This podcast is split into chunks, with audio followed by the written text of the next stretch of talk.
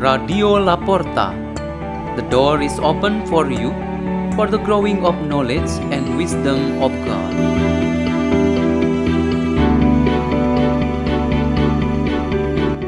by Peter Tukan SDB, priest of the Salesians of Don Bosco.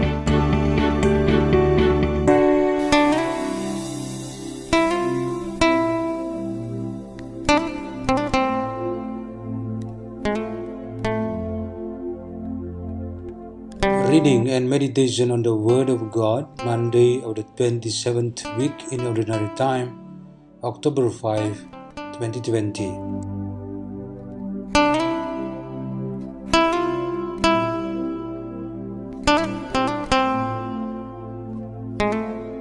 The reading is taken from the letter of St. Paul to the Galatians. Brothers and sisters, I am amazed that you are so quickly forsaking the one who called you by the grace of Christ for a different gospel. But there are some who are disturbing you and wish to pervert the gospel of Christ. But even if we or an angel from heaven should preach to you a gospel other than the one that we preach to you, let that one be accursed. As we have said before, and now I say again, if anyone preaches to you a gospel other than the one that you received, let that one be accursed. Am I now currying favor with human beings or God? Or am I seeking to please people? If I were still trying to please people, I would not be a slave of Christ. Now, I want you to know, brothers and sisters, that the gospel preached by me is not of human origin, for I did not receive it from a human being, nor was I taught it. But it came through a revelation of Jesus Christ. The word of the Lord.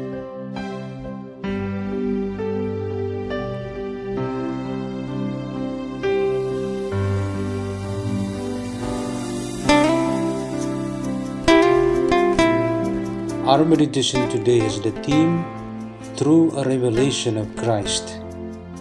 Maria, a housewife of two children who are still in elementary school, is a Catholic who was just baptized one year ago. Her husband, Mario, has been a Catholic since his childhood. Realizing that her children should be brought up in the Catholic faith, Maria always tries her best to involve in various church activities and faith formation that could help her better in the Catholic faith. With the spiritual development and her responsibility to her two children, she truly believes that her spiritual growth has been grounded firmly in the revelation of Jesus Christ. Jesus Christ is the revelation of the Son of God who came from the Father and who calls all people to share in his mission on earth. Maria sees herself among the believers who heed this call. Even though at the time of the celebration of matrimony she had not been baptized, she had truly realized the revelation of the Lord Jesus. She eventually made up her mind to learn Catholic faith and then got baptized and took responsibility to accompany her children growing as good Catholics. Ironically, her husband Mario shows some decline in his faith. His wife always reprimands him when he forgets to pray, when he becomes lazy to attend the Eucharistic on Sundays, and when he rejects invitations to take part in church activities. Maria usually gives the reason of works in the office that prevent him from doing things related to faith. However, Maria remains in her conviction that Jesus does reveal himself more strongly to her as the newcomer in the Catholic Church, so that in turn she would take responsibility to encourage and strengthen her husband's faith. St. Paul experienced the revelation of Jesus Christ, which then changed him and transformed his whole life into a great apostle of the Lord. He believed that Jesus' revelation was the true presence of God in person, and there will be never anyone who can replace it. The gospel that has been preached to all nations is always the gospel of Jesus Christ, and there is none of any book that can replace it. The life of people in Galatia had made St. Paul convinced about the truth of the revelation of Christ that kept them always in the company of the Lord Jesus Christ. The gospel is an expression of the real presence of the one who had sacrificed himself for our sake.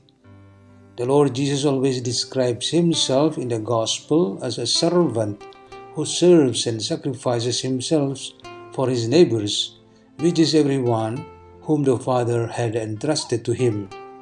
He had shown us that his ultimate passion on earth was his great highest self revelation, which was to suffer and to die for our salvation. Today he teaches us his greatest love through the story of the Good Samaritan so that we can learn how to practice his true love, even to the point of loving those who are different from us or our enemies. It is the same love that we should offer. Let's pray. In the name of the Father, and of the Son, and of the Holy Spirit. Amen. O Lord, teach and encourage us to love our neighbors sincerely with your love. Hail Mary, full of grace, the Lord is with you. Blessed are you among women, and blessed is the fruit of your womb, Jesus. Holy Mary, Mother of God, pray for us sinners, now and at the hour of our death. Amen.